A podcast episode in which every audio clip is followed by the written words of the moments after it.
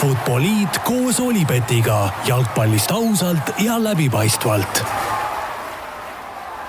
No nii, tervitused taas kord Futboliidi kuulajatele jalgpalli EM-il kaheksandikfinaalidega jõutud täpselt poole peale, neli mängu peetud, neli veel minna. selleks, et väikest viisi vahekokkuvõtte teha, oleme seekord stuudios kolmekesi, mina, Raul Ojasaar ja minu, minu kõrval või minust üle laua siin delegatsioon Delfi spordi, spordinurgakesest äh, Gunnar Leheste, tere Gunnar! Tere, rõõm siin olla! ja Kaspar Ruus, tere Kaspar! tere ka minu poolt! Äh, no nagu öeldud, räägime täna siis esimesest neljast kaheksandikfinaalist põhiliselt ja vaatame edasi ka siis äh, ülejäänud mängudele, nii et äh, mis seal ikka, hakkame pihta. kas teadsid, et Olipet toetab FCI Levadiat?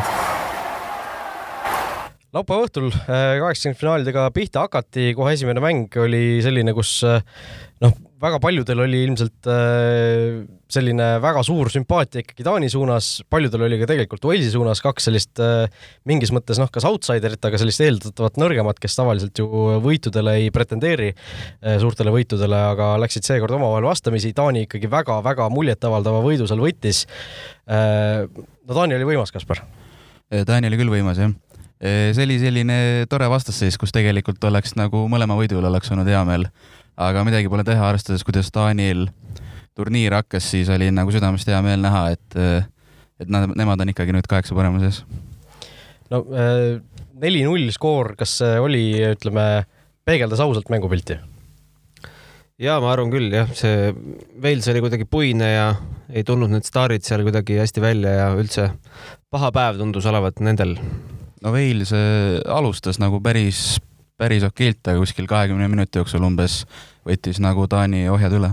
No mul oli ka selline tunne, et äh, mängu algust vaadates ma noh, ma olin väga Taani poolt ja ja kuidagi noh, hakkas sellist, äh, hakkasin juba vaikselt küüsi närima, et, et kuidas Taani nagu nii kehvasti alustab, et kas tõesti oli see ainult see üks alagrupi viimane mäng, kus nad nagu suutsid enda taseme välja mängida, aga aga ikkagi see värav, mis sealt tuli, murdis nagu Walesi kuidagi maha ja siis äh, noh, Taani sai nagu mängu enda kätte ja siis teise poole alguses see teine värav oli nagu täiesti noh, selgroog pooleks. no pärast seda teist väravat, mis oli neljakümne kaheksandal minutil, ei uskunud ju keegi, et Wales sellest välja võib tulla ja mängida oli veel oi kui palju just, ja noh, Taani tegelikult äh, päris targalt ka tegutses, noh, me rääkisime ka sellest esimesest kahekümnest minutist, kui Wales oli paremini sees. Nad ju mingi hetk seal esimese poole keskel vahetasidki äh, oma formatsiooni, sisuliselt Andres Christensen keskkaitses toodi keskväljale. Äh, noh, natuke selline võib-olla nagu Karol Mets kunagi mängis ka ju sellist alumist poolkaitset keskkaitsjana tegelikult. et vahetati ära ja see kuidagi pani need Walesi käigud täiesti kinni, noh, Aaron Ramsey äh, noh, mängis ta üldse või ja, just, selline, selline tunne, ta ei jäänud nagu üldse millegagi silma, et Bale seal veel midagi tegi seal, äh, vahetas ääri ja paar korda proovis sealt kaugelt, aga aga tegelikult oli ju suhteliselt selline nadi esitus just Walesi nende staaride poolt, kellelt me oleks oodanud sellist võistkonna tassimist, kui Wales oleks edasi saanud, on ju. no Taani oli no mängu kokkuvõttes Taani oligi lihtsalt tegelikult tasemelt nagu tugevam võistkond, et, et Walesi staaridel oli küll ka natuke kehvem päev, aga ma arvan, et ikkagi Taani oleks siiski ikkagi jõuga nagu oma võtnud.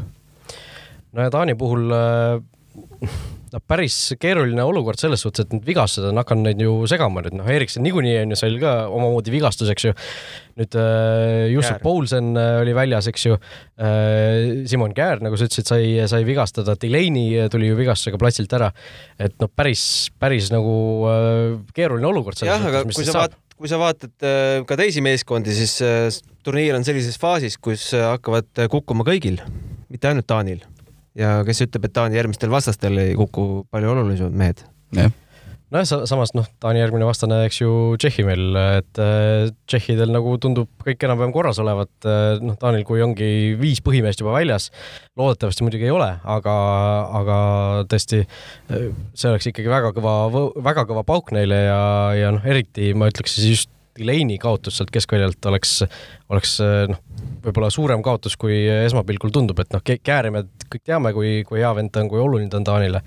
aga just mulle tundub, et see Delaney ja Höibjeri duo seal keskväljal on ikkagi olnud ka Taani mängude puhul väga selline määrava tähtsusega paar, ütleme no eks ta kindlasti hakkab mõjutama, aga mulle Taani puhul just meeldib see vaimne emotsioon, emotsionaalne aspekt, et mulle tundub, et nende ümber on mingi, mingi selline aura, mis äh, ilmselt äh, saadab meid kogu selle turniiri ja ma räägin seda mitte ainult sellepärast, et mul kaks eurot Taani võidu peal on, vaid äh, ma, ma millal päris, millal pandud?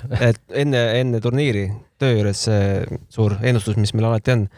ma arvan, et on üks päris hea favoriit ikkagi eks see nende, prantslaste ja itaallaste kõrval siin. eks see ütleme jah, omal viisil see Eriksoni asi võib-olla aitaski natuke veel ühtsemaks seda eh, koondist teha ja, ja mängivadki Eriksoni ja kogu riigi eest. jah, see Taani nagu sügavus on ka tegelikult välja tulnud, et võib-olla esmapilgul ei tundugi, aga see noh, kui sa teed äh, vahetusi, sa toodki sisse mängijad, noh, Cornelius, kes hoidis ju super hästi seal palli eest, tegi mitu mingisugust kolmekümne meetrist soolot seal mitme mängija vahel ja ja suutis, suutis seda tempot nagu alla lüüa ja palli Taani käes hoida ja ja kui sul tulevad äh, pingilt sisse igasugused äh, Jensenid, Norgardid, kes, kes kõik nagu väga hästi mängivad ja, ja pluss veel noh, algkoosseisu ka ju toodud sisse seal Damsgaard, eks ju, Tolberg oli kaks väravat, kes ju esimesi mänge üldse ei mänginud. ta oli vist üks ainsaid Taani mängijaid, kes esimeses kahes mängus üldse platsile ei saanud näiteks. ja igast seal noh, äärekaitsjad, need äh, Meele ja Striger Larsen ka ju tegelikult supermehed, noh eriti Meele, kes on terve turniiri silma paistnud, sai nüüd värava ka kirja. et kuidagi see noh, tegelikult see ei ole ju nagu ainult emotsiooni pealt, et seal ongi kvaliteeti sees ja noh, me tegelikult ju nägime märtsikuus nendes valikmängudes ka, mis me siin enne turniiri saadetes rääkisime, et et kuidas, kuidas nad seal kolme võistkonda nulliga järjest võitsid mingi väravate vahel mingi kaheksateist null kolme mänguga umbes, et et see, see kvaliteet on endiselt olemas ja kuidagi see asi nagu toimib, isegi ilma Ericssonita. mulle meeldib eriti see Damsgaardi lugu ikkagi, et kas ta üldse arvas, et ta mõnes mängus algkoosseisus platsile saab selles, sellel turniiril, aga siis pärast äh, Ericssoniga juhtunit on äh, igas mängus äh, alustanud ja äh, mängib ju päris hästi. millal tal üldse, kui palju tal enne EM-i üldse neid mänge oli koondisest? väga hea küsimus. kaks vist või? midagi sinna. ma vaatan, et Saksamaa vastu sõprusmängus äh, üks-üks sai äh, üksteist minutit. jah, palju ta alustanud oli, 20-aastane. ilmselt muu küsimus on ju, aga aga noh, mängu lõpp läks Walesi poolt ikka suhteliselt nagu noh, läks trumm, läksid ka pulgad. mis teema selle Harry Wilsoni punase kaardiga oli, selles suhtes, et suhteliselt nagu selline tavaline frustratsiooniviga, kohtunik tõmbas kiirelt punase välja, Varr nagu üle ka ei noh, ei ütleme, ei, ei, ei lasknud üle mõelda kohtunikul või ei, ei palunud üle vaadata seda asja, et minu arust see oli suhteliselt tavaline selline kollase kaardi viga, aga punane tuli ikka väga kiirelt ja jäi püsima ka nagu. ma arvan, minu silmis oli punane kaart isegi õige, sest minu jaoks ta tuli nagu eh, selja tagant ohtlikult jalgadesse ikkagi, et et võib-olla pigem oli isegi õnn, et see ütleme, reaalne kokkupuude oli nagu võrdlemisi süütu siiski, aga minu arust see minu silmis vähemalt oli see üsna tahtlik nagu ütleme haiget tegemine. no see oli tahtlik, tahtlik, ma olen sellega nõus ja kusjuures ma olen tegelikult nõus, et selliste asjade eest võiks nagu rohkem punaseid anda, aga minu jaoks see, see, see, ütleme, see liin, mis praegu maailma jalgpallis on, et noh, Fernandinho, ma ei tea, kolm viga sellist äh, võib-olla mängus on ju, et äh, ta ei saa nagu kollast isegi selle eest, et et kuidagi see äh, nagu ootamatult kiirelt tõusis see punane kaart taskust välja, et äh, või kuidas sulle tundus, kui? Äh, ma tunnistan ausalt, ma selleks hetkeks olin selle mängu juba peast pühkinud, kuna seis oli nii ühepoolne, aga ma arvan, et ju ta aitas mehel lihtsalt varem duširuumi saada, et okei okay. läheme edasi samal, samal õhtul toimunud teise mängu juurde, Itaalia-Austria ja no see oli mäng, kus oli ikkagi üllatus selgelt õhus, Itaalial see rünnak ei tahtnud millegipärast üldse toimida. null-null lõppes normaalaeg, alles lisaajal hakati väravaid lööma. Itaalial vahetusmehed ikkagi tõid, tõid selle võidu lõpuks, lõpuks äh, ära, kaks-üks seisuga Itaalia edasi läheb, aga aga no Mancini meeskond sai ikkagi korraliku sellise külma duši, ütleme selle kolme väga väga lepase reega läinud alagrupimängu juures. ma arvan, see on, tegelikult tuli neile kasuks, et Austria nii suurt vastupanu osutas, sest et kui siit oleks tulnud ka ütleme selline noh, lihtsam jalutuskäik, siis veerandfinaalis Belgia vastu on ikka väga raske ennast nagu ikka väga suureks lahinguks häälestada. minu arust see lustlikkus kuidagi on Itaalia mängus kadunud ja võib-olla see on seotud sellega, et nad arvasid, et nad on väga suured favoriidid selles mängus. jah, see ja see kõik kokku, et see mäng toimus, eks ju, Wembley'l, mitte Roomas, neil ei olnud seal aa, mitte. Wimbledonis? mitte Wimbledonis. aa, mulle tundus, see oli Wimbledoni publik. jah, selline väga vaikne, rahulikult võib-olla keegi kuskil plaksutab, eks ju. et, et noh, see, see kõik kokku nagu tundus, et Itaalial ei ole sellist oma tavalist mojot, mis nad esimeses kolmes mängus nagu, millega nad ära harjusid võib-olla onju. no esimese, tähendab alagrupi viimases mängus nad ju mängisid ju ka väga suures määral ju teise koosseisuga, et see võis ka natuke rütmi sassi lüüa. nojah, me tegelikult oleme seda varem ka näinud suurturniiridel ju, et kui sa esimesed kaks mängu võidad, paned kolmandas mängus sellise noh, kaerad peale, eks ju, siis äh, seal võib väga kiiresti asi kurvalt lõppeda, onju. aga no Itaalia puhul muidugi see ei ole päris nagu nii, sest Mancini on nagu kogu aeg enne turniiri, turniiri ajal äh, praegugi veel korrutab, et temal ei ole nagu algkoosseisu, tal on kakskümmend kuus esind-, nii-öelda esindusvõistkonna mängijat, onju, keda ta, keda ta ongi kõiki kasutanud juba peale selle kolmanda väravavahi, et, et see noh, Itaalia puhul ma nagu ei arvaks, et see võiks nii palju seda rütmi sassi lüüa, samas noh, me nägime, et tegelikult mingi, mingid mõjutused seal ilmselt ikkagi olid kokkuvõttes. no turniiri algkoosseis on ikkagi turniiri algkoosseis, et olgu need äh, varumehed sul nii head kui tahes, ikkagi see kokkumäng ikkagi loeb nii päris palju, ma arvan, me näeme seda mingis faasis ka prantslaste puhul, kellel on ka samu- samuti ju sama sügav pink, et et äh, tood need äh, vähem kogenud äh, mehed nagu selle, selle turniiri kontekstis vähem kogenud mehed mängu ja see mäng ei ole sugugi nii sujuv enam. no eks favoriidikoore, ma arvan, mängis ka natuke mängu, et Austrial oli üsna hea tulla pingevabalt mängima, sest kõik ju eeldasid Itaalia selget võitu. ja, ja Austria oli tegelikult tubli, noh, mina ütlen ausalt, ma alahindasin neid turniiri eel ja turniiri ajal ja turniiri järelgi veel ilmselt äh, päris palju, et et nad äh, noh, ikkagi terve võistkond sisuliselt Bundesliga-s mängib, neil seda mingi, mingisugune selline põrand kvaliteet on olemas tegelikult, et nad sellest nagu allapoole ei lange. Ja, ja tegelikult see just see kaitses äh, või noh, ütleme kaks keskkaitset ja kaks seda alumist poolkaitset seal Intereger, Dragovic äh, kaitses ja siis äh, Schlager ja Grilic seal nende kohal. et nad äh, moodustasid seal keskel ikka väga sellise korraliku tuumiku, ütleme, mis noh, sealt nagu läbi ei tulnud, onju. et, et seal lõpuks ikkagi pigem olid need äh, muud asjad, kus, kus nagu kärises, aga aga eks nad jätsid endast äh, platsil tegelikult väga palju, David Alaba mängis seekord, eks ju, äärekaitses, noh, me oleme näinud teda siin Austria koondisest mängimas enne turniiri peamiselt ju vasakul äärel üldse, siin turniiri esimestes mängudes selle kolmese keskkaitseliini nii keskmise kui siis äärepoolsema mängija osas või mängija rollis, nüüd vasakkaitses, et äh, ja no ikkagi tegi nagu platsil kõike endiselt, kaitses, ründas, et äh, iga kord, kui Austria kuskil rünnakule sai, siis oli Alaba seal olemas, iga kord, kui kaitses oli vaja, siis tema tegi selle otsustava ploki, et et selline meenutas nagu ütleme nagu kehalise tunnis mingisugune üks tüüp, kes on jalkatrennis käinud, et tema nagu kõike teeb. et vahet ei ole, mis positsioonil mängib. no täpselt, ühel pool ja teisel pool platsi, et ainult äh, läbi tema mäng käib, et et äh, aga noh, tegelikult need teised mehed näitasid ka, näitasid ka siin sisu, kuigi ma oleks võib-olla Sabitserilt oleks rohkem oodanud, et kes on ju Leipzigis pä- päris hästi mänginud, et tema nagu jäi natuke kahvatuks seal võib-olla või sulandus, ütleme teiste meestega kokku, aga aga Alaba oli kõva. jah, jumal nendega. Äh, jah, oota mul vist midagi, mis ma tahtsin selle mängu kohta veel öelda, no Spinazzolat tahtsin kiita muidugi Ita Itaalia puhul, noh, need ütleme kolme keskkaitsjaga on väga paljud tipptiimid ka ju sel turniiril mänginud ja see, kuidas need ründavad äärekaitsjad on silma paistnud, nagu väga paljudel tiimidel on ikkagi päris, päris uhke, et noh, Spinazzola Itaalia puhul kindlasti sealt vasakult äärt pidi kogu aeg tõuseb, kogu aeg oli põhimõtteliselt esimene vend seal rünnakul, noh, põhimõtteliselt nagu hiljem hakkame rääkima ka võib-olla Hollandist, kus oli noh, paremal äärel see Denzel Dumfries, kes noh, iga kord oli lihtsalt seal ees olemas, on ju, et ükskõik kus see, kus see pikk pall ette läheb, et ta oli sealt vahepeal paremalt äärelt oli ka vasakule äärele rünnakule jõudnud, on ju jah, Giro, Giro Immobilet kritiseeriti, et ei löönud jälle väravaid, toodi välja, et noh, kõik on loogiline, vastas olid Bundesliga mängijad. posti lõi ju.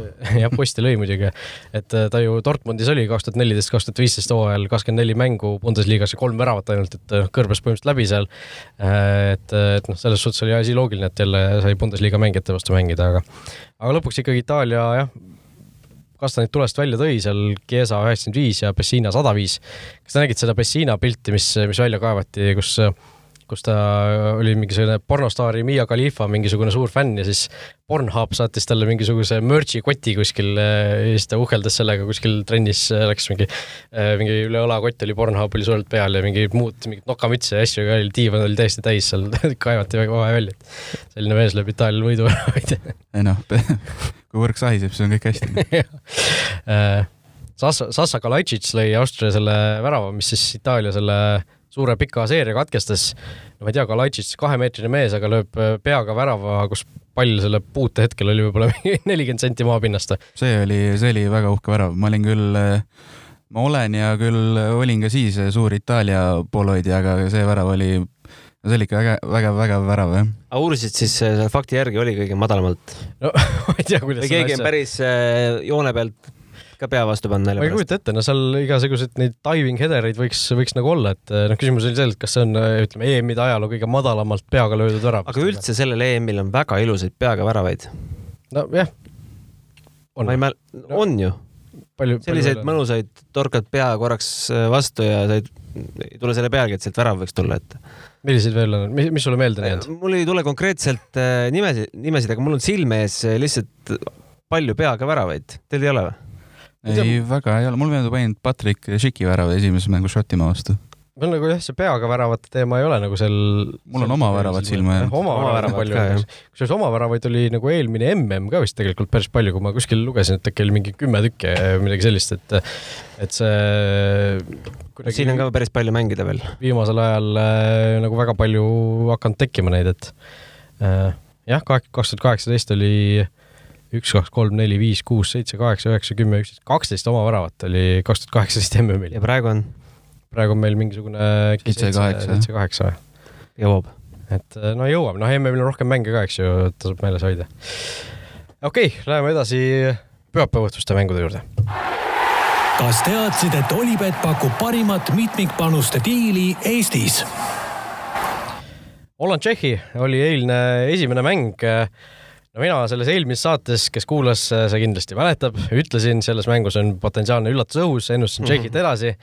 täpselt nii ka läks, küll mitte päris sellise stsenaariumi järgi, nagu, nagu oleks siin osanud arvata, aga aga no ma ei tea, noh, see on ikkagi Holland äh, munes korraliku muna sinna väljakule ja noh, täiesti ausalt sõidab koju, siin ei ole midagi kobiseda ka isegi. mis see koef oli? Ma ei tea isegi, mis see koef võis olla, aga no Tšehhi ikkagi oli või noh, Holland oli selgelt soosik, aga, aga noh, ma ütlen, Tšehhi nagu noh, ei saanud nagu päris enne mängu neid kuskile välja ka arvata, et äh, tegelikult neil sisu on ja sisu nad näitasid ka, onju.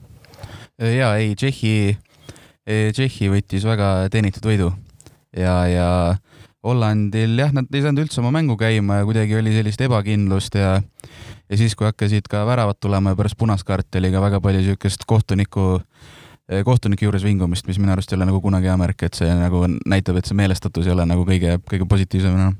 aga väga palju räägitakse, et see ebakindlus hakkab pihta Frank de Boerist. mis te sellest teooriast arvate?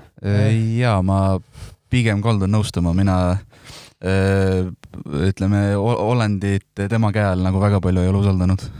no ma arvan ka, et see De Boeri jaoks ilmselt on, oli viimane mäng Hollandi peatreenerina, et äh, Hollandi alaliidu äh, jaoks ei ole siin ju väga palju argumente, mille pealt nagu temaga edasi minna, et et äh, noh, see okei okay,, see kolm, viis, kaks äh, süsteemile üleminek, mis noh, Hollandile, kes on väga harjunud ju kõigis, kõik noored, kõik koondised, kõik asjad mängivad alati neli, kolm, kolm süsteemis. et see, see oli nende jaoks muidugi harjumatu, aga noh, ma ütleks, et nagu see oli see, mis neid lõpuks, lõpuks kuskile, kuskile noh, sügavikku saatis, et et seal oli nagu väga mitu asja kokku, et noh, näiteks see on ka asi, mille eest teda kritiseeriti pärast seda eil, eilset mängu ka, et kogu turniiri jooksul ta mängitas tegelikult ju vasakkaitses Patrick Van Aanholti, kes eh, noh, Crystal Palace siis põhimõtteliselt eh, lõpetati temaga leping ära või noh, mitte ei lõpetatud leping ära, vaid temaga ilmselt ei pikendata lepingut, kuna saadakse aru, et ta ei ole nagu enam päris, päris see mees, kes ta võib-olla kolm-neli aastat tagasi oli, ta ei ole selle taseme mängija enam. Ja noh, samal ajal tal oli noor Alkmaari äärekaitsja Owen Vaindaal oli kasutada, keda ta noh, vaid vahetusest tuli, tõi sisse seal mingites mängudes, et et seal noh, mingisugused üksikud otsused, mille kallal nagu saab väga konkreetselt nokkida ja noh, kui ilmselt need kõik otsused kokku panna, siis, siis noh, tulebki see, et sa ei, ei jõua väga kaugele, okei okay,, noh, Holland on tõusev, tõusvas joones minev meeskond, seal on Van Dijkid ja asjad olid ju üldse puudu veel ja, ja neil kindlasti potentsiaali on, aga ma arvan, et seal on ka ikkagi sellist päris treenerit vaja lihtsalt ette, et Frank de Boer ei, ei ole ilmselt, ilmselt see mees lihtsalt.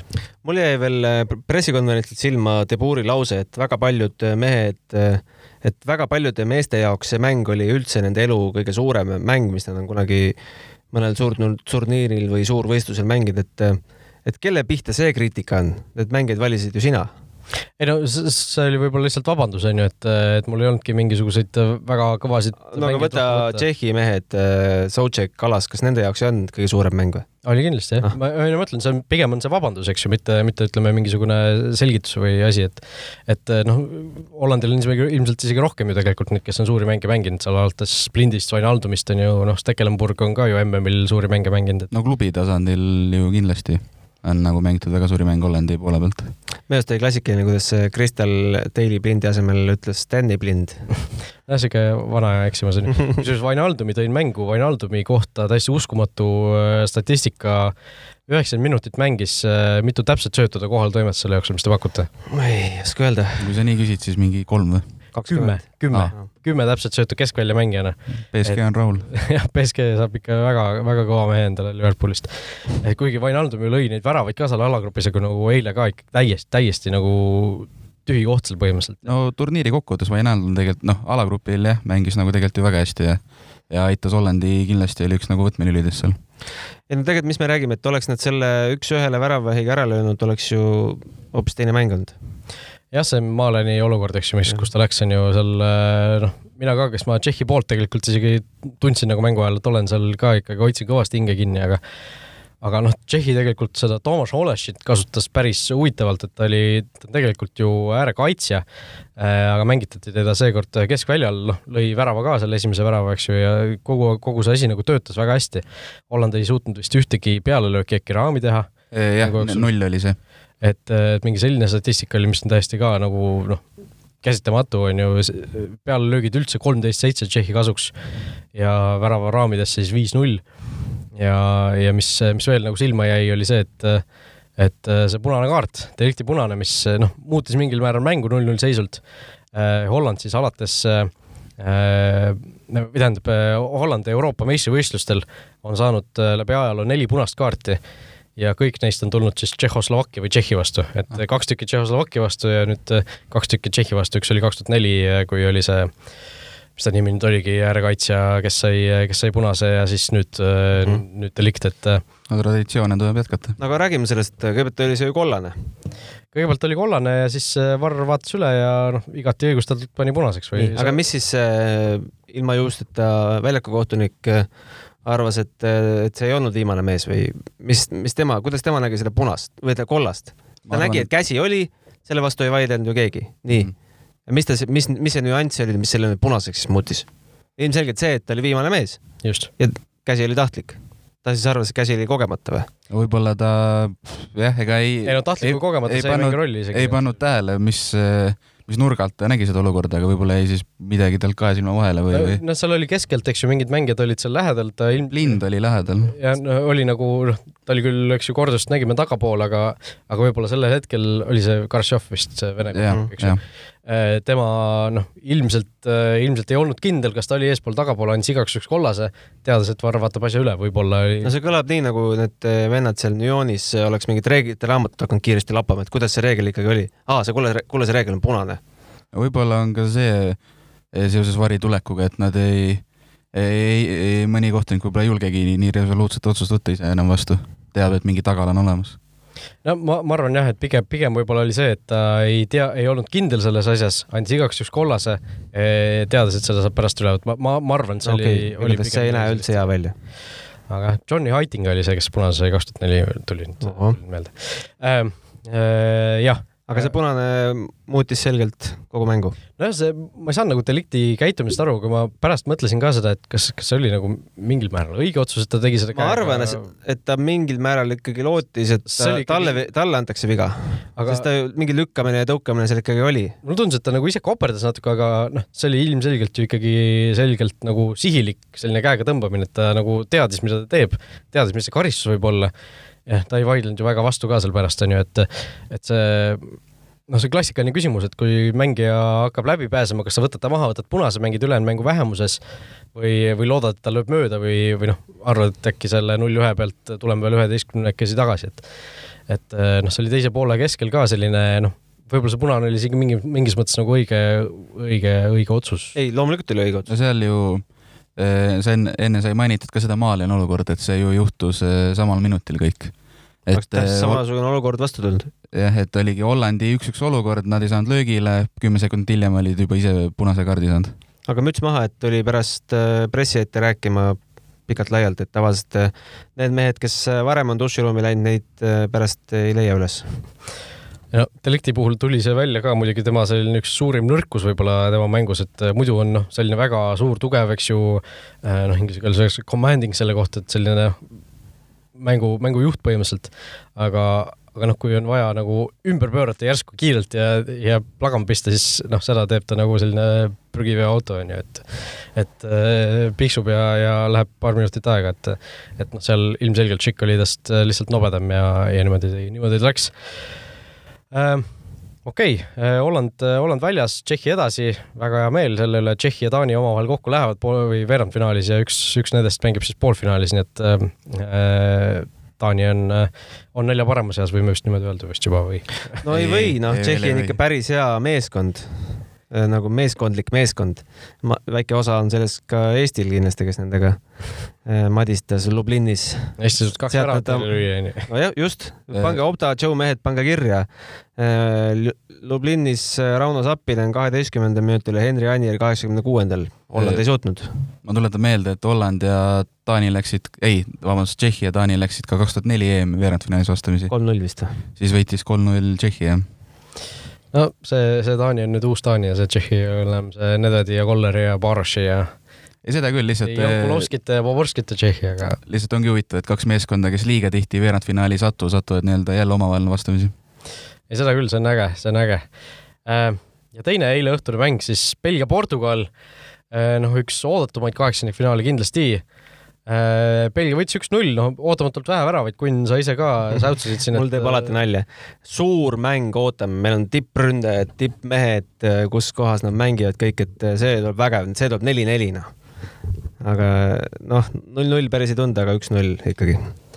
no ja Belgia tegelikult mängis, mängis mingi hetk nagu väga ootamatult kaitsvalt isegi, et või noh, alguses isegi null-null seisul kumbki võistkond nagu ei tahtnud üldse kohe mitte avada ennast. Seal oli mingi hetk ka, kus Portugal sai nagu palli kätte, belglased eksisid seal oma väljaku poolel. oma väljaku poolel eksisid, Portugal sai palli kätte, läks kontrasse ja siis ma vaatasin, et, et see ei olegi nagu mingi kontra, et Portugalil on kolm mängijat nagu seal vastase väljaku poolel ja Belgia oli nagu paari sekundiga suutnud kümme venda palli taha tuua, et seal nagu ei olnudki mingisugust äh, varianti kuskile minna, et et seal ikkagi väga ettevaatlikult mängiti, noh lõpus ikkagi Portugal sai ju väga kõva surve peale. Postid raksusid, igasugused äh, muud asjad äh, käisid seal läbi, noh sada võimalust, no löö lihtsalt üks ära, aga ei löödud, lihtsalt ei löödud ja sellest, see ilmselt saigi Portugali saatuslikuks lihtsalt. jah, no neil ju ründes on ju noh, ma arvan, võib-olla ongi Prantsusmaa kõrval turniiri kõige kõvem ründelinn neil, aga aga mis nad lõid üle kahekümne pealelöögi vist kokku? kakskümmend neli, kuus on pealelöögid, jah, aga ühtegi, ühtegi väravasse ei saanud, nii et selles, neliteist mööda. selles suhtes ma arvan, Belgia sai, minu silmis sai Belgia nagu teenitud võidu, et hoidsid, hoidsid Portugali nulli peal, seda nagu iga meeskond ei suuda. ja ise lõid äh, ühe oma väestest ära ja sellistes mängudes, sellistes ütleme natukene kinnistes mängudes lä- loevadki ju lõpuks need pisidetailid.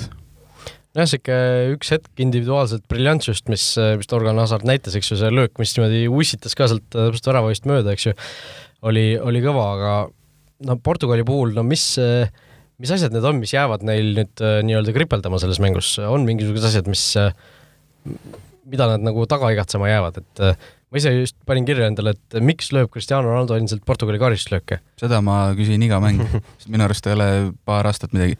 Kas oligi äkki David De Gea vastu MM-il viimane karistuslöök, mille ta sisse on löönud? Ko- koondise eest vist tõesti, et no klubi eest vist ta mõne üksiku on kuskil veel löönud, aga suurturniiridel mingi statistika oli, et viiskümmend viis karistuslööki on löönud ja koondise eest ja ühe sisse, ehk siis noh, vähem kui kaks protsenti on see tõenäosus, et sealt mingi värav tuleb, kuigi see noh, eile see esimene löök, mis ta Courtois'le pihta lõi, oli tegelikult päris korralik löök, sest noh, sealt oleks võinud ju tagasi põrkunud pallist ka tulla midagi veel seal see teine löök, mis ta sinna müüri kõmmutas, oli noh, oli natukene hullem, aga aga tõesti nagu ei anta nagu teistele võimalust ka, et ma ei tea, kas seal Fernando Santosel ei ole piisavalt mune, et Ronaldole öelda, et kuule, et äh, anna, anna see löök, ma ei tea, Bruno Fernandesele, kellelegi teisele, et Joao Felix on ka ju väga hea karistuslöökide lööja, et seal äh, noh, see on jah huvitav, et palju Ronaldol nii-öelda selles tiimis treeneri rolli on, et äh, me näeme, et ta hümni ajal ju seisab äh, viltu teistest eespool. ma, ma just mõtlesin, kas, kas ta nagu on äkki lipu poole kuidagi või ei, aga ta on olnud ka teisele poole, et ta, ta alati tahab olla kuidagi teistest eespool, noh. nähtavalt. see klassikaline see grupipilt, mis meile, mis Twitteris lendab, et kus temal on alati, seisab kikivarvukil, et tema oleks kõige kõrgemal. noh. eks see võib-olla sellistes mängudes maksabki kätte lõpuks, et ei anta teistele võimalusi või, või, või on liiga suur selline äh, Ronaldo maania seal nagu. aga sa ei saa teda välja ka veel võtta, noh. ei no välja ei välja, nii välja mitte võtta, ei, ei seda ma ei räägi, ta ju lõi ju viis väravat, jah, aga ma just mõtlengi seda, et äh, ma mõtlengi just neid kohti, et ei pea absoluutselt igat karistuslööki temale andma. Nojah, ta üritab iga kord seda oma, seda usslööki ka, mis nagu noh, see töötas aastal kaks tuhat kümme ühe korra vist onju, aga, aga rohkem nagu ei ole väga toiminud, et et äh, kuskil, kas mingis sõprusmängus või kuskil ta nagu ühe korra nagu lihtsalt lõi palli üle müüri ja see läks kohe sisse ka, et nagu seal Juventuse fännid ka mõtlesid, et noh, hoidsid peast kinni, et miks ta kogu aeg niimoodi ei või teha, et nagu see jumala hästi oskab niimoodi lüüa, et ei pea seda ussi, ussilööki tegema kogu aeg, mis näeb küll efektne välja, kui ta sisse läheb, onju, aga noh, kui sa löödki viiekümne viiest ühe sisse, siis siis seal noh, sul on ikka väga palju võimalusi vaja, et sa selle ühe värava sealt lõpuks kätte saad, aga aga noh, Bruno Fernandesest rääkides, eh, noh, see, see, kuidas see mees nagu EM-il lati alt läbi jooksis, eh, hüppas, kukkus, komistas, see oli ikkagi täiesti nagu eh, noh, mingis mõttes müstika, teisest küljest noh, me oleme siin saates ka hooaja jooksul pidevalt rääkinud seda, suured mängud, Bruno Fernandes, need ei käi omavahel väga, väga hästi kokku Manchester Unitedis ka, et EM-il sul ongi ainult suured mängud ja siis noh, siis ta kaobki kuskil ära, et äh, seal turniirieelsete sõprusmängudes ta ju ka vist mingis mängus lõi kaks väravat, andis väravasöödu või noh, mingisugune väga korralik mäng oli. Iisraeli vastu. jah, oli sõp-, aga see oli sõprusmäng, see oli Iisraeli vastu, et tuleb päris turniir peale, siis sa noh, kõmmutadki mööda lihtsalt. siin talle penalteid ei antud.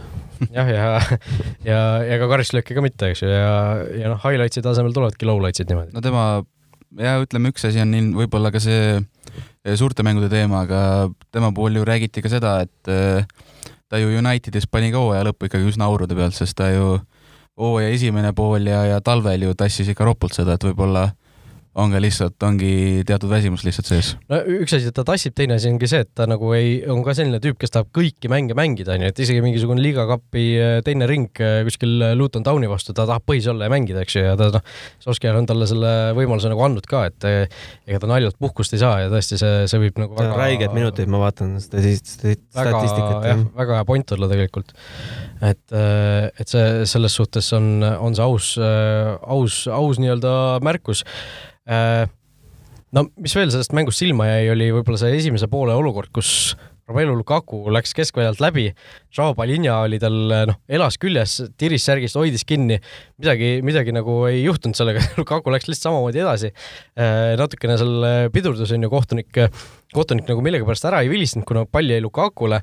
Ja kui Lukaku siis palli ära kaotas pool sekundit hiljem, siis kohtunik ei vilistanud, ei võtnud seda olukorda tagasi, et äh, see ikkagi noh, äh, kui kritiseeritakse seda, et miks mängijad kergelt kukuvad, miks nad taivivad, siis noh, näidake, näidake sellele inimesele seda videot, et kui sa ei kuku, kui sa ei, ei noh, ei teeskle või ei mängi seda asja suureks, siis sa noh, sind karistatakse selle eest lihtsalt kohtuniku poolt. no mul on, mulle see teesklemine ei ole kunagi meeldinud, selles suhtes mul on hea meel, et Lukaku mängis nagu ausalt edasi, aga jah, kohtuniku, kohtuniku tegevust ma küll ei mõista seal nojah, aga Belgia ka ju üks selline meeskond, kellel nüüd natukene vigastustega De Bruyne ja Saared läksid äh, välja. jah, ja De Bruyne vigastus tuli ju sellesama Palina vastu mõni minut hiljem äh,. oleks Palina sealt näiteks selle Lukaku vastu tehtud vea eest kollase kaardi saanud, poleks ta ilmselt äh, De Bruyne'l niimoodi sisse julgenud lennata. okei okay,, seal äh, mängis ju tegelikult mingis, mingis mõttes palli ka seal, kordas näitasid, mängis nagu palli ära ja siis, siis nagu tuli see kontakt ja kukkumine aga noh, see viga oleks ikkagi olnud äh, ilmselt ja võib-olla kollane kaart ka, et seal ikkagi nagu suhteliselt suure intensiivsuse pealt selja tagant ja natukene ohtlikult lendas sisse. Äh, noh, De Bruyne alustas seda turniiri vigastusega ja ilmselt äh, või noh, loodetavasti ei lõpeta, aga aga oht on olemas, et lõpetab ka selle turniiri vigastusega. no seda, kui, kui oluline mängija on De Bruyne Belgiale, seda me nägime ju alagrupi mängus Taani vastu. me nägime eile ka seda tegelikult, ma ütleks isegi. aga ma kuskilt kuulsin, et ega me enne neljakümne kaheksat tundi ennem ilmselt teada ei saa, mis nende meeste edasine saatus on. Saared läks üsna, üsna mängu lõpus vist välja jah, et tema kohta ei ole ka veel kuulnud midagi. et no selle Itaalia-Belgia veerandfinaal, see võib ka päris, päris hull andmine tulla, aga noh, see De Bruyne vigastus, kui De Bruyne't Belgial ei ole, siis noh, ma ütlen küll, et seal Belgiat Euroopa meistrina näha on ikkagi päris, päris keeruline minul, aga, aga Itaalia vastu no, suht fifty-fifty ma ütleks isegi vaatasin koefitsientide järgi, Olipetis on Itaalia isegi soosikuks märgitud, aga noh, ma isegi tahaks nagu Belgiat pigem panna soosikuks nende, nende kaheksandikfinaalide põhjal või, või kuidas teile tundub? ma arvan, et äh, kui De Bruyne saab mängida, siis kerge soosik võib-olla on, on Belgia, aga, aga ma olen nõus, see mäng on ikka väga viiskümmend, viiskümmend. jaa äh,, vaatame üle ka siis ülejäänud neli kaheksandikfinaali, mis meil veel, veel siin mängimata on. täna õhtul juba siis asi muidugi jätkub ja jätkub siis meie aja järgi või noh, jah, kell seitse, nagu harjumuspäraseks on saanud. Horvaatia ja Hispaania kohtumine peetakse see siis ütleme kohe, mis linnas, Kopenhaagenis Horvaatia noh, selline natukene lati, või noh, mitte lati alt, vaid nagu radari alt läbi natuke tulnud siin, siin turniiril, et ei ole neid väga palju nagu silma, silma paistnud. samal Hispaania need äh, mured ja rõõmud on, on kõigile kogu aeg näha olnud, et ähm, no kas horvaadid suudavad Hispaania need ründekäigud kinni panna? Äh, jaa, ma teen sellise julge ennustuse, ma arvan, et Horvaatia läheb edasi siit. ma isegi ei oska millegi pealt ennustada, sest mõlemal on selline nii ja naa alagrupi turniir olnud, et äh, kumbki pole ju nagu tank sealt läbi tulnud, mõlemal, mõlemal on siin äh, viigid kirjas ja Horvaatial isegi kaotus, noh küll null-üks, aga, aga ikkagi. ma isegi ütleks, et siin on nagu kaks võimalust, kuidas see mäng läheb, et äh, mitte, et kas Horvaatia saab edasi, Hispaania saab edasi, aga aga kas see mäng jääb nagu null-null, ütleme normaalajast rääkides, või siis Hispaania paneb niisugune kolm tükki lihtsalt ära, et eh, noh, kas nad saavad käima või ei saa, ei saa, et noh, see, seda me nägime seal alagrupis ka, et kui, kui nad ei saanud, siis nad jäidki põhimõtteliselt nulli peale ja kui nad said oma asja käima Slovakkia vastu, siis nad lõid viis tükki ära, et ma arvan, et seal on mingisugune sarnane muster võib nagu korduda, et kas eh, noh, ega Hispaania oma mänguplaani nagu muutma ei hakka, on ju, et nad panevad niimoodi edasi, nagu nad on eh, seni pannud. ja noh, ma arvan, et see ma pigem arvan, et Horvaatia suudab nagu äh, Hispaania äh, kinni panna ja sealt tuleb väga vähe väravaid. ma arvan ka, et sellest tuleb selline tüüpiline suurte lahing, et äh, esimene eesmärk on lihtsalt mitte endale taha lasta seda väravat. seal võib olla jälle selline üks väike asi nagu selles Tšehhi-Hollandi mängus, et jätab mingi asja tegemata või teed mingi asja õigesti, siis äh, see muudabki selle mängukäigu hoopis teistsuguseks. ja Prantsusmaa-Šveitsi õhtul, noh, enne kaheksandikfinaale tundus, et üks sellisemaid ühepoolsemaid vastasseise, samas kui me oleme nüüd näinud, kuidas Austria siin äh, vastu pani, kuidas Tšehhi pani vastu Hollandile, siis äh, noh, Šveitsil äh, võivad siin mingisugused lootused tärgata, et kui nad oma neid või noh, teisi mänge vaatasid, siis võib-olla tekkis endal ka mõte, et kuulge, et ega kui nemad suutsid, siis miks meie ei peaks suutma Prantsusmaad näiteks noh, vähemalt ma ei tea, mängu lisaajale viia. no Shakiri lööb ühe ära äkki. jah, täpselt on ju kuskilt mingisuguse karistus, karistusalast väljast kuskil mingisugune ristnurga leiab sealt üles kuidagi ja ja on, on asi olemas, aga noh, Prantsusmaa ikkagi on Prantsusmaa ju. Nad on ikka nii kogenud, nad on harjunud selle, selle favoriidi koormaga ja ma arvan, et nad on praegu nii omas mullis sees, et äh, neid isegi ei huvita see, et nad on favoriidid. homme õhtul Inglismaa-Saksamaa kell seitse kohe väga-väga magus mäng äh, no on vahepeal midagi muutunud siin, me paar päeva tagasi, kui lindistasime, siis ikkagi Inglismaad nagu kergeks favoriidiks pidasime. kuidas teile tundub, kas inglased või sakslased? Ma isiklikult arvan, et siit võib tegelikult isegi Saksamaa edasi minna, et eh, ma arvan, kardan, et Inglismaal võib lüüa välja see vana kala, et hakkavad see suurmängudesse väristamine pihta, et nad ju tegelikult ei ole ju tiitlit võitnud ikkagi väga-väga kaua aega juba no aga see peab ikka penaltite minema. no see oleks klassika muidugi et, et eh, noh, siin Southgate ise on ju Saksamaa vastu väga otsustaval penaltil eksinud kunagi ja. ma arvan, et nad iga trenn harjutavad neid ikka. Eh, jah, see on hea küsimus, kui palju seda harjutatakse, et siin äh, hiljuti ka see Markus Jürgenson siin mingis Sokaneti stuudios rääkis, et kuidas see noh, mängus ikka penaltite löömise see asi on ikka täiesti midagi muud ja trennis seda harjutada ei saa nagu, aga mulle ka nagu äh, kogu aeg on tundunud, et sa saad ikkagi harjutada ju seda penalti tehnilist sooritust, noh, lihvi see siis nii perfektseks, et, et see kõik see psühholoogia, see surve eh, saaks seda nagu võimalikult vähe kõigutada, et noh, aga noh, kui palju sellele nagu tähelepanu pöörata, kui sul on muud mänguelemendid nagu veel tähtsamad tegelikult ütleme, mis, mis tuleb enne ära teha, et see mäng üldse penaltiteni viia näiteks või et see, see on alati nagu suur küsimus, et kui palju neid peaks tegelikult harjutama, kui palju, kui palju see nagu mõjutab seda, see harjutamine ja kui palju see nagu kasu toob et...? no penaltiseerias on ka suur jokker väravavaht, et, et eh, kui on näiteks Bigford versus Neuer, siis ma arvan, et noh, Neuer on ilmselt ikka vähe kindlam seal väravas nojah, samas Pickford on selline tüüp, kes võib-olla võib-olla noh, mängus võib-olla laseb mingisuguse siukse dubravkaliku asja sisse, eks ju, sealt äh, taevast, aga aga, aga samas penaltiseerias toob näiteks kastanid tulest välja, kas, kas seesama Kolumbia vastu MM-il mäng, kas ta seal mitte ei teinud mingi tõrje või paar või?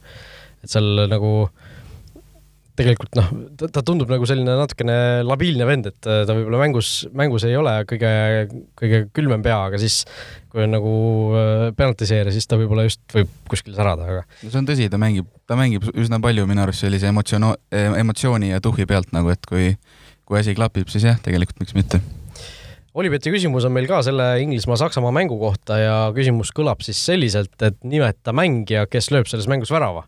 ehk siis suhteliselt lihtne, lihtne küsimus. no teeme siin ka kiire ringi, Gunnar, kes lööb selles mängus värava, üks mängija? Harry Kane. lööb ikka Kane värava, no ikkagi tuleb sealt kuskilt peidukast välja. Kaspar? Äh, ma ütlen siis Saksamaa poolelt kedagi mm,, Kimmich. Kimmich, okei okay.. ma arvan, et Kimmich annab assisti ja värava lööb äh, Koretska vot nii, nii et äh, pange oma Olibeti äh, kuulajamängu pakkumised siis Olibet Estonia Facebooki lehele meie viimase saate postituse alla ja kõigile õigesti vastanutele, kes samale mängule viie eurose panuse vähemalt on teinud, annab Olibet omalt poolt kakskümmend eurot tasuta panustamisraha. ja viimane kaheksandikfinaal on meil ka kavas homme õhtul Rootsi-Ukraina. kus see mängitakse? Rootsi-Ukraina kohtumine mängitakse Glasgow's Šotimaal. kaks kollast ja sinist võistkonda omavahel vastamisi, Rootsi saab ilmselt koduvormis mängida, kuna nemad on nii-öelda vormiline koduvõistkond. Nad võiks loosida selle. jah, või enne mängu midagi. kahed vormid on nagu olemas, et, et lihtsalt mõlemad on vist Adidas ka, et seal ei tohiks nagu väga vist... ma, see võib tulla isegi, noh, see alagrupi turniir juba näitas, et e, eeldatavad mitme, mittefavoriidid pakuvad kõige põnevamat etendust, ma arvan, et see tuleb päris, päris äge andmine. sealt võib, see võib olla jah, vabalt selline kolm-kaks mängu või midagi sellist. ma just oponeeriks, ma arvan, et Rootsi keerab seal asjad nii lukku, nagu nad keerasid Saksa, või selle mitte Saksamaa, vaid Hispaania vastu. ma arvan, et Rootsi võidab selle mängu üks-null maksimaalselt või, või läheb null-null lisaajale, et mul on, mul on selline tunne, et sealt me väga palju väravaid ei näe, seda enam, et Ukraina selles Austria vastu mängus, mis on nende jaoks oli ka sisuliselt ju väljalangamismäng, olid ikka päris ka kahvatud või ootamatult nagu kehvad, et äh, ma arvan jah, et Rootsi on suhteliselt selge soosik selles kohtumises ja, ja võtab sellise nulli vastu napi võidu. no ma vaatan nüüd Kihlveo kontorit, mis ei ole meie sponsor. Seal ikkagi väga selge soosik ei ole, et kaks kolmkümmend seitse versus kolm kakskümmend viis. see, see tähendab ainult seda, et Rootsi koefitsient on väga hea väärtusega. jah. no Ukraina näitas tegelikult Hollandi vastu, et ju ja, ja ka teises mängus Põhja-Makedoonia vastu, et nad võivad äh, kui neil mäng läheb käima, siis nad võivad tegelikult mingi viieteistkümne minutiga kaks tükki ära panna. Jarmolenko vasak jalg. jah, seal noh, Ukrainal seda materjali seal on ees, aga nagu ma ei näe seda, et nad hakkaksid tulema nagu Rootsi vastu mingisugust suurt ehitamist hakkaks tegema, et äh, võib-olla kuskilt väga tühja koha pealt selle ühe värava kätte saavad, aga Rootsi on ikkagi niivõrd distsiplineeritud, niivõrd nagu mm, noh, ikkagi kindel seal kaitses, et see A-grupi vooru viimane mäng, ma arvan, neil ka pinged olid suures plaanis maas ja said nagu natuke nautida, aga nüüd on jällegi pinged peal kaotad, lähed välja, võidad, lähed edasi, et seal ma arvan, et me näeme Inglismaa-Rootsi veerandfinaali jälle. ma pean, ei ma pean ka ikkagi Rootsit, ma pean ütleme soosikuks, aga ma arvan, ma arvan, et siit võib tulla siiski selline lahtisem mäng või lo-, õigemini ma loodan vähemalt. huvitav fakt, et äh, alagrupist edasi pääsenute hulgast äh, Ukraina äh, sai joint most shots on target. nagu neile löödi või nemad lõid? Äh, Ukraina faced, siis see tähendab, et neile löödi, jah? jah, neile löödi ikka. nojah, see, see kõik nagu räägib Ukraina kahjuks, ma räägin, et see, äh, ma ei, ma jah, ei näe nagu neil väga varianti, mis, mis tavaliselt tähendab seda, et nad lähevad äh, kolm-null võiduga edasi võib-olla, aga aga, aga jah, igatahes ootame neid mänge, paneme siin praegu meie saatele, tõmbame joone alla. täna õhtul ja homme õhtul siis kõik kaheksandikfinaalid viimased ära peetakse ja, ja varsti olemegi juba veerandfinaalide juures, nii et mis siis ikka, äh, olge ikka meiega, vaadake jalgpalli ja oleme varsti tagasi, kõike head! kõike head! vutiviikendi parimad kohvid leiad Olipetist